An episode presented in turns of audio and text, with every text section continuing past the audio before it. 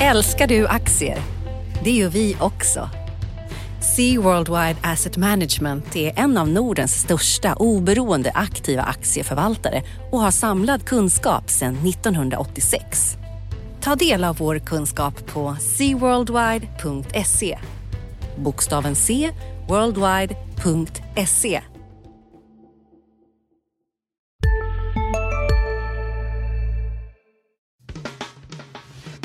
Analyspodden från Dagens Industri. Hej allihopa och välkommen till eh, Dagens Industris Börspodd som vi sänder varje fredag eh, och som handlar om finansmarknader och framförallt aktier och allting annat som är spännande här i livet. Med mig idag har jag Magnus Dagel. God morgon Magnus! God morgon Roffe! Allt väl? Allt är väl.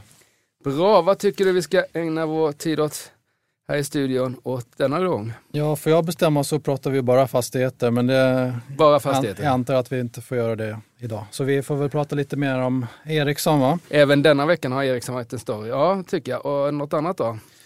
Ja, som sagt, det har varit lite introduktioner i veckan. Serneke bland annat och Alligator som du har skrivit om. Just det, var snabb som en alligator upp, upp på marknaden. Serneke var lite, lite tristare, tycker jag vi kan prata om. Eh, det kommer ju hända, jag, jag hörde med fondbörsen, eh, det kan nog vara 25 bolag in till innan årsskiftet här, Mm. så det är helt otroligt. Mm. Mest på First North också får man ju tillägga där. Mest, mest First North ja, men eh, det som ska bli stort börjar ju som litet, så vi får se. Bra! Nästa vecka, nu är det mycket, tycker jag det har varit mycket bolag den här veckan, framförallt Ericsson, men även nästa vecka är det lite mer makrostuk tycker jag kanske. Kanske något kort om det också.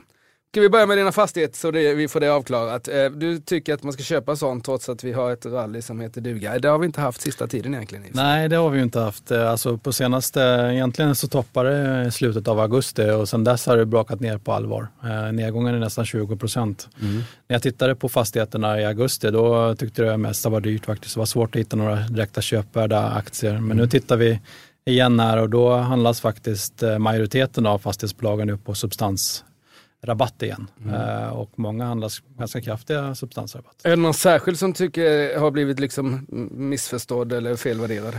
Ja, hela sektorn har ju gått ner kraftigt eh, tycker jag. Men samtidigt så, det är också det intressanta med fastigheter, att det finns någonting för alla på börsen. Det finns, det, det finns låg risk, det finns hög risk, det finns eh, bostäder och det finns kontor. Det finns i eh, Norrland och det finns i Skåne och det finns i Stockholm och Göteborg. Så det är bara att välja och vraka. Och det finns I- byggrätter. Ja, och det finns de som har mycket byggrättsportföljer. Om man gillar hög risk, vad ska man ha då tycker du? Och gillar man låg risk, vad ska man ha då? Ja, det är kanske de som är lite mer högt belånade då, som Klövern till exempel. Kungsleden får man nog kanske säga också lite högre risk. Samtidigt så finns det de med väldigt låg risk som eh, Castellum och, och huvudstaden då framförallt. Castellum har ju gått bra här efter eh, försäljningen av lite norrländska fastigheter. I, Ja, det gick upp någon procent men de har gått ner ganska kraftigt också nu Ja. under hösten. Mm. Men det jag gjorde då, det var att jag plockade ut sex stycken intressanta fastighetsbolag då, Mm. med lite olika, framförallt med, med låg risk då. Mm. Sen tog jag en titt på dem som jag hade där i augusti igen då. Mm. Eh, Och det är D Carnegie, det är eh, Fabege och det är Atrium Ljungberg. Sen la jag också till då huvudstaden Castellum och Wallenstam. Det här D. Carnegie, man ser ju liksom pressreleaser varje vecka där om någon slags, det är någon som håller på och lägger liksom bud på dem hela tiden. Till Ja just det, de fick ju en ny huvudägare här i somras. Ja. Eh, genom Blackstone, då, en av världens största riskkapitalbolag, har hittat till svenska miljonprogram. Då. Eh, och de var tvungna att lägga ett budpliktsbud på 100 kronor. Ja. Så det är det de har gjort då. och det gick ut nu i veckan. Och det blev inget av det. Nej, kanske några som sålde det på 100 kronor. Då. Mm. jag tror inte så många gjorde det. Är den, vad är den, ligger den på nu då? Ungefär? Strax över 100 kronor. Strax över hundra. Det måste man ändå betrakta som en hög risk eller? Kanske. Medelrisk? Samtidigt är det ju bostäder i Stockholm då, så, så det är inte så i och för hög risk Nej, ändå. Då. nej. Och det som, ja, jag, är- det beror på vilken dag man frågar mig omkring fastigheter, men, eh, men det är klart att dessa räntor, nu har ju räntan gått upp då, men man kan ju förledas att tro att det slår direkt på fastighetsbolagen. Nu gör det ju inte, de sitter ju ändå liksom med sina gamla eh, räntehedgar och Mm. sånt där som gör att Så är det. Jag gjorde faktiskt en undersökning där som jag skrev om i veckan. Jag tittade på snitträntan där för fem år sedan och Mm. tittade på snitträntan i, idag då. Och den har gått från ungefär 4 procent till 2,5 procent på fem och ett halvt år. Så det är väldigt lite faktiskt. Långräntan har gått ner från 3,20 till en halv procent under samma tid. Då. Så det är väldigt eh, lång eftersläpning i för fastighetsbolagen. Så, så de betalar liksom Förr betalade de under 1% över marknadsräntan och nu betalar de över 2% här. Ja, Mm. det kan man säga. Och det kommer så att säga gå ner här. Ja. Så samtidigt som eh, om räntorna skulle gå upp här så kommer de fortfarande få fallande räntekostnader flera kvartal, kanske till och med år framöver. Mm. Beroende på hur deras räntehedgar ligger. Ja. Ja, det, är, det är en aspekt som är ganska intressant. Mm. Bra. Något annat som du, som du har kollat på? Eh, Det har mest varit fastigheter den här veckan faktiskt med den här stora dimensionsgrejen. Men en annan fastighets eller byggbolag som har gått bra det är ju Oscar Properties Just som är det. uppe ja, drygt 10 procent i veckan och De hade någon kapitalmarknadsdag, var det inte så eller? 40 procent på en månad. Ja. Ja, var, precis. var, var, du, var du där eller? Hört Nej, jag var inte där men eh, jag läste, läste om det rätt Ja. mycket. Så eh, de guidade för en halv miljard i vinst då, nästa år och det tog ju marknaden till sig. Med Ja. Det är ganska offensivt. Det är, ju liksom, det är inte så långt bort. Jag menar det är december nu snart. Ja. Så det är bra. Jag har tittat på Ericsson. Eh, jag har gått igenom den amerikanska lagstiftningen också här. Den, det tog lite tid. Eh, för det är ju så att Ericsson eh, är under undersökning av både SEC, då, Finansinspektionen, och det är för att de har sin aktie noterad där på något sätt. Och sen så är det då det här Department of Justice, vi skulle, kunna kalla justitiedepartementet, som har då förhört Ericsson-anställda och det har varit kaos. Och våra kollegor på DN har skrivit om det och våra kollegor på Svenskan har också skrivit om det och våra kollegor på Sveriges Radio har också pratat om, om Ericsson och miljardböter här. Och, och Ska man vara orolig som Ericsson-ägare tycker du? Ja, det tycker jag ju liksom det är där. Som jag skrev, det är ju inget, det går inte att vinna mot amerikanska myndigheter. Det är liksom, det är bara att lägga sig platt som Telia ungefär har gjort. De försöker väl förlikas lite grann. Men, Men det här var ju för 15 år sedan. ja, men eh, det är ju så, har du liksom, är du tillräckligt stark så, så är det du som bestämmer. Trots det. Jag tycker det är fullständigt vansinnigt hur, hur alltså Ericsson har då och det har de väl säkert mutat folk. Det har ju varit liksom, det här är en 15-20 år process och de är friade, i och för sig för ett skattemål då i, i svensk hovdom, eh, tingsrätt och hovrätt 2006-2007 någon gång och, och sådär. Men, men eh, amerikanarna, om, om du inte liksom, om de tycker att Ericsson har mutat och även om det är costaricaner de har mutat så är det amerikanerna som ska ha pengarna och Mm. om inte Ericsson betalar så är de liksom ute ur all offentlig eh, upphandling och det, det liksom mäktar inget bolag med. Plus att sätta sig och börja, börja liksom processa med dessa kostnader, så då, då tar man det där smällen. Mm. Eh, Det är ju, jag tror att hade jag hetat Stefan Löfven, nu gör jag inte det, så hade jag ju liksom jag menar, säg att det försvinner 8 miljarder för skojs skull från Ericsson. Det är ganska mycket pengar. De har alltså ett stort besparingsprogram som ska spara eh, 9 miljarder som liksom helt, är helt borta då. De har liksom en, och deras största konkurrent Huawei som är kinesiskt, de kommer aldrig betala några pengar till någon amerikansk domstol. Liksom. Det, det kan jag inte tänka Mm. mig att kineser gör. Så det där, är, det där måste liksom, det är väl bra att, att amerikanerna kan hantera mut, mutor. Det är liksom svårt med sådana megaföretag om, Mm. om svensk domstol skulle göra det, men det kanske måste upp på en internationell nivå. Liksom, någon Mm. Det kanske man kan avsluta och säga att det var det sista som Ericsson behövde där. Ja det var det. Och vi får se, det är möjligt. Vi får väl se om Börje Ekholm lyckas ta sig hit någon gång eller om de kniper honom på flygplatsen där i Colorado när han blir vd här i januari. Nej det var det sista de behövde.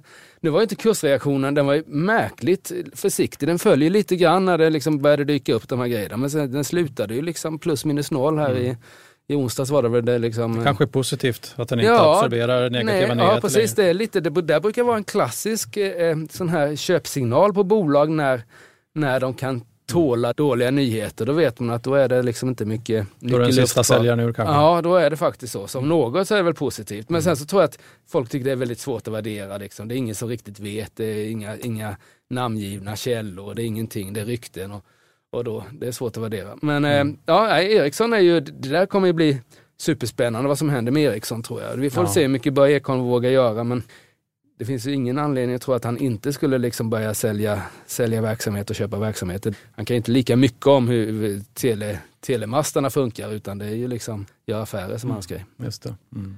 Spännande. Ja, Eh, en annan aktie som du har tittat på i veckan det är ju eh, Alligator. just Bio- det, just det. Bioteknikbolaget. Ja precis, och det, där, det är sånt där som Precis, forskningsbolaget, cancerforskningsbolaget. Jag brukar vara superskeptisk till sånt där. Alltså det, det blir nästan aldrig bra de här forskningsbolagen på börsen. Mm. Men den här gången satte du en väldigt eh, optimistisk rubrik, eller det kanske inte var du som satte den? Nej, rubriken håller jag borta från. Nej, men jag trodde på en uppgång på det stod nog 30% i artikeln. Jag, har för mig att jag drömde att jag skrev 2030 men, men den steg 19 vilket är liksom bra då. Ja, de har ju inga intäkter annat än eventuella intäkter från ett samarbetspartner med Johnson Johnson. Men jag tycker, är det någon forskningsaktie man ska ha i det här landet så är det nog ändå Alligator. Mm. För de har lyckats hitta en Johnson Johnson då som är världens största läkemedelsbolag som har då köpt, köpt rättigheterna till och de är verksamma inom immunoterapi mot cancer? Ja, och det är, det, det är så här det kan bli. Alltså det, där, det är nytt, det är bara två, tre, ja, 2011 tror jag första, första eh, läkemedlet, eh, alltså det biolog... Sista dagarna nu på vårens stora season sale. Passa på att göra sommarfint hemma, både inne och ute. Och fynda till fantastiska priser. Måndagen den 6 maj avslutar vi med Kvällsöppet i 21. Välkommen till Mio. CSRD. Ännu en förkortning som väcker känslor hos företagare. Men lugn, våra rådgivare här på PWC har koll på det som din verksamhet berörs av. Från hållbarhetslösningar och nya regelverk till affärsutveckling och ansvarsfulla AI-strategier. Välkommen till PWC. Cancerläkemedlet kom det är så vi ska bota cancer nu. Alltså, mm. Tidigare har vi liksom opererat bort det, eller så har vi stålat bort det, eller så har vi gett cellgifter. Nu ska man liksom eh, boosta immunförsvaret så att, så att eh, immunförsvaret tar bort cancer. Och den, redan idag så tar ju de flesta cancer, vi får ju cancer varenda sekund, du och jag här inne nu, men immunförsvaret hanterar det där men så blir det fel och kan man då liksom reparera det där på ett bra sätt så... Vi får verkligen så, hoppas att de lyckas. Ja, ja, som aktieägare och även som, som människor så är det ju mm. fantastiskt om det mm. lyckas mm. att det funkar i Sverige i så fall. Men hög risk, alltså mm. det är så långt ut på riskskalan man kan komma. Alltså, mm. mm. alltså det, det, mest sannolika är ju faktiskt att bolaget blir värt noll. Man får inte glömma bort det. Eh, men så finns det en viss sannolikhet att det blir värt tusen istället och då mm. kanske man är beredd att betala 38. Om vi tittar på den andra delen av riskskalan så har du tittat lite på Lundbergs rapport. Ja, Lundbergs rapport, eh, vad ska man säga, den då, den eh, han ökade ju substansvärdet, eh, hade köpt lite fler industrivärden, aktier inte så många det här kvartalet, någon miljon bara, eh, värderas till 7, 7 över substansvärde. Just det. det har han gjort hela året egentligen, men inte så här riktigt, inte så här mycket. Det brukar vara lika roligt att läsa Lundbergs rapport som att titta på när färg torkar. Ja, var det samma ja. med den här rapporten? Ja, men jag tycker det börjar bli lite mer spännande, för tidigare var det liksom substansrabatt, nu är det substanspremien. Och det, tycker du det ska vara substanspremie på aktier? Nej, det ska det förstås inte vara. Varför inte då? Ja, varför? Han har ju lyckats väldigt bra historiskt. Ja, avkasta aktieägarnas pengar. hans pappa köpte väl fastighet i rätt tid på 50-talet lite grann. Eh, nej, det tycker jag inte det ska vara premie på det där. Jag vet inte vad han har gjort för bra affärer. Det här Holmen känns väl inte så bra. Och, ja, nej, det tycker jag inte. Men hade jag hetat Fredrik Lundberg så hade jag ju köpt Industrivärden med Lundbergs aktier nu. Det är en kalasaffär att, att med en premievärderad aktie köpa Industrivärden, kunna fusionera ihop kassaflödena från eh, fastigheterna i Lundbergs in i Industrivärden. Industrivärden har ju ett problem idag. De har alltså 13 procents belåning. Det är inte, man behöver vara sömnlös för det, men de kan inte riktigt göra ett rejält aktieförvärv utan att sälja först.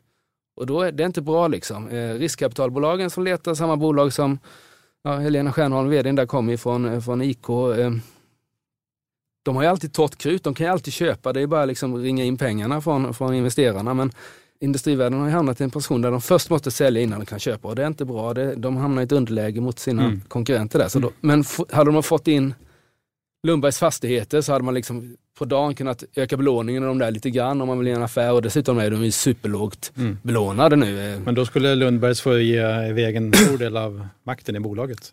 Ja, han har ju makten, han har ju makten även i industrivärlden så det blir lite en lite intern affär. Han äger 23 procent, alltså Lundbergs då, bolaget Lundbergs äger 23 procent av industrivärden. Mm. Fredrik Lundberg äger ju direkt då mer aktier i Lundbergs än vad han gör i industrivärden så han, så han han kommer ju stärka sin roll eftersom Handelsbanken kommer liksom bli nedknuffade lite i ägare, ägande. Så det, han skulle stärka det, men jag tror inte han vågar göra det där. Det skulle liksom få de här, de här gamla stridsyxorna som då är lite nedgrävda nu i den där eh, mm. infekterade striden skulle ju liksom ramla upp igen. Nästa vecka då, är det något i bolagsväg eller är det mest våra makromänniskor som får jobba då medan du och jag tar det lugnt? Ja, så blir det nog. Det är mest fokus på makro nästa vecka, Ja. så får vi se om det händer några intressanta nyheter då. Ja, ja det har ju en del. Det finns ju, den här beigea boken ska presenteras från eh, Fed. Just det. Eh, Nu är väl ränte, sänk, eller räntehöjningen i 100% inprisad, men det är ändå liksom lite spännande.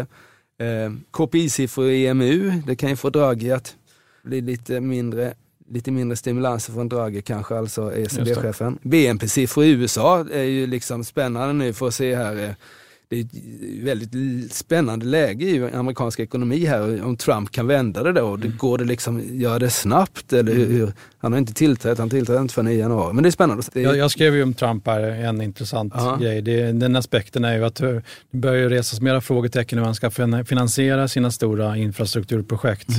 Och eh, en sak vi har skrivit om mycket innan det är ju eh, amerikanska företags stora kassor utomlands som jag har tittat på en del och det är ju väldigt intressant och det, det skulle ju vara någonting som, som kan ändra mycket om det skulle hända. Han har ju tidigare flaggat för att de ska sänka skatten då från Ja. 35 procent ner till 10 procent för pengar som tas hem till USA. ja, och, Och, och, det, om det kommer hända så, så kommer ju skatteintäkterna Ja. förmodligen öka då, och då kommer man få ett bidrag där. Visst. Och sen så får han 12 miljarder från Telia och 10 miljarder från Ericsson och 140 Ja. miljarder från Deutsche Bank och 80 Just, miljarder från... just de pengarna är ju felräkningspengar för honom. Men, ja, men, men i det här- 140 miljarder från Deutsche Bank, det syns även i amerikansk eh, statistik. ja, men i, i det här fallet med skatte... Ja. Ja, ja, min beräkning var att de borde få in 250 miljarder dollar ungefär. eh, om, om det, min- minst alltså. Ja. På, på ett, och sen kanske de alltså kommande årens skatt, eh, ökade skatteintäkter också. Ja, Så det, det, det ska vara materiellt om det händer någonting där.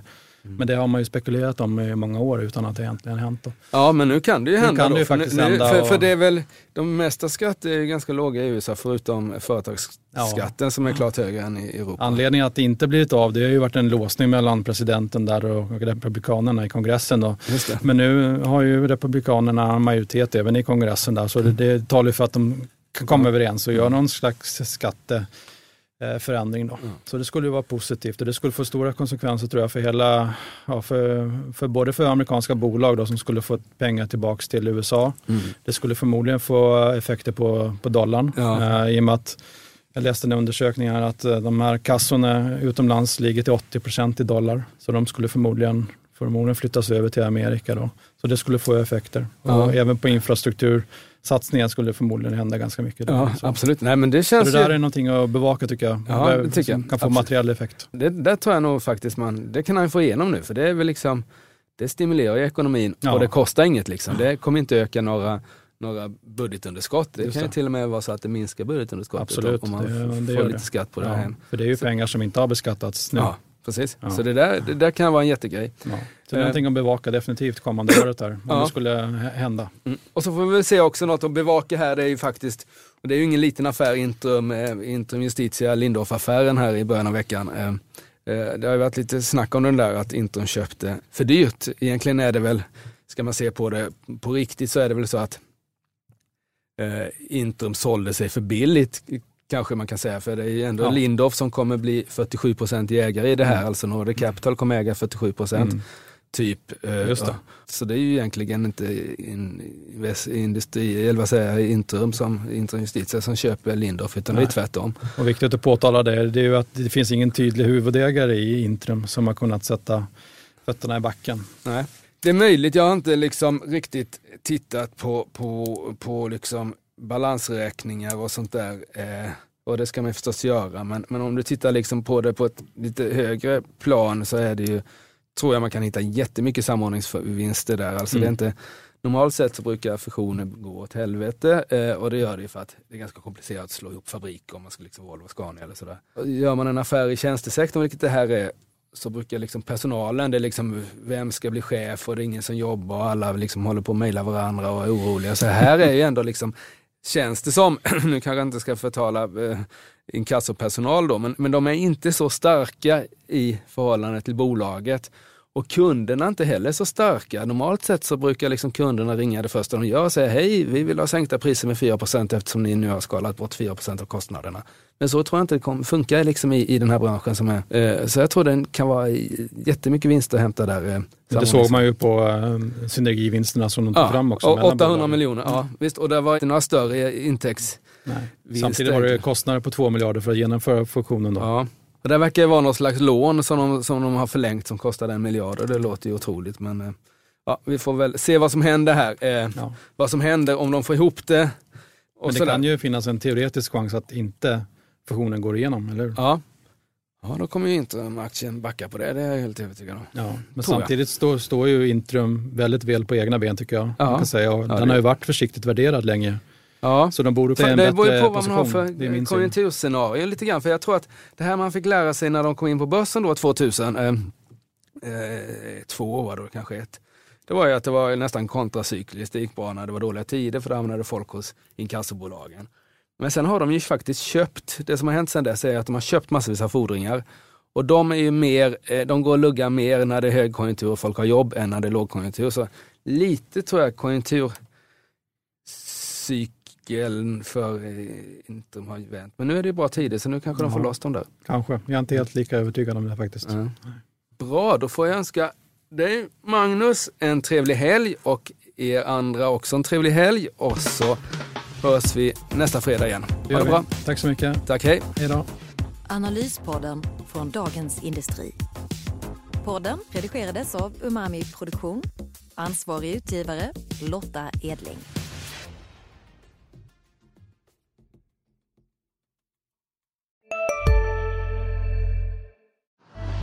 Älskar du aktier? Det gör vi också. Sea Worldwide Asset Management är en av Nordens största oberoende aktiva aktieförvaltare och har samlad kunskap sedan 1986.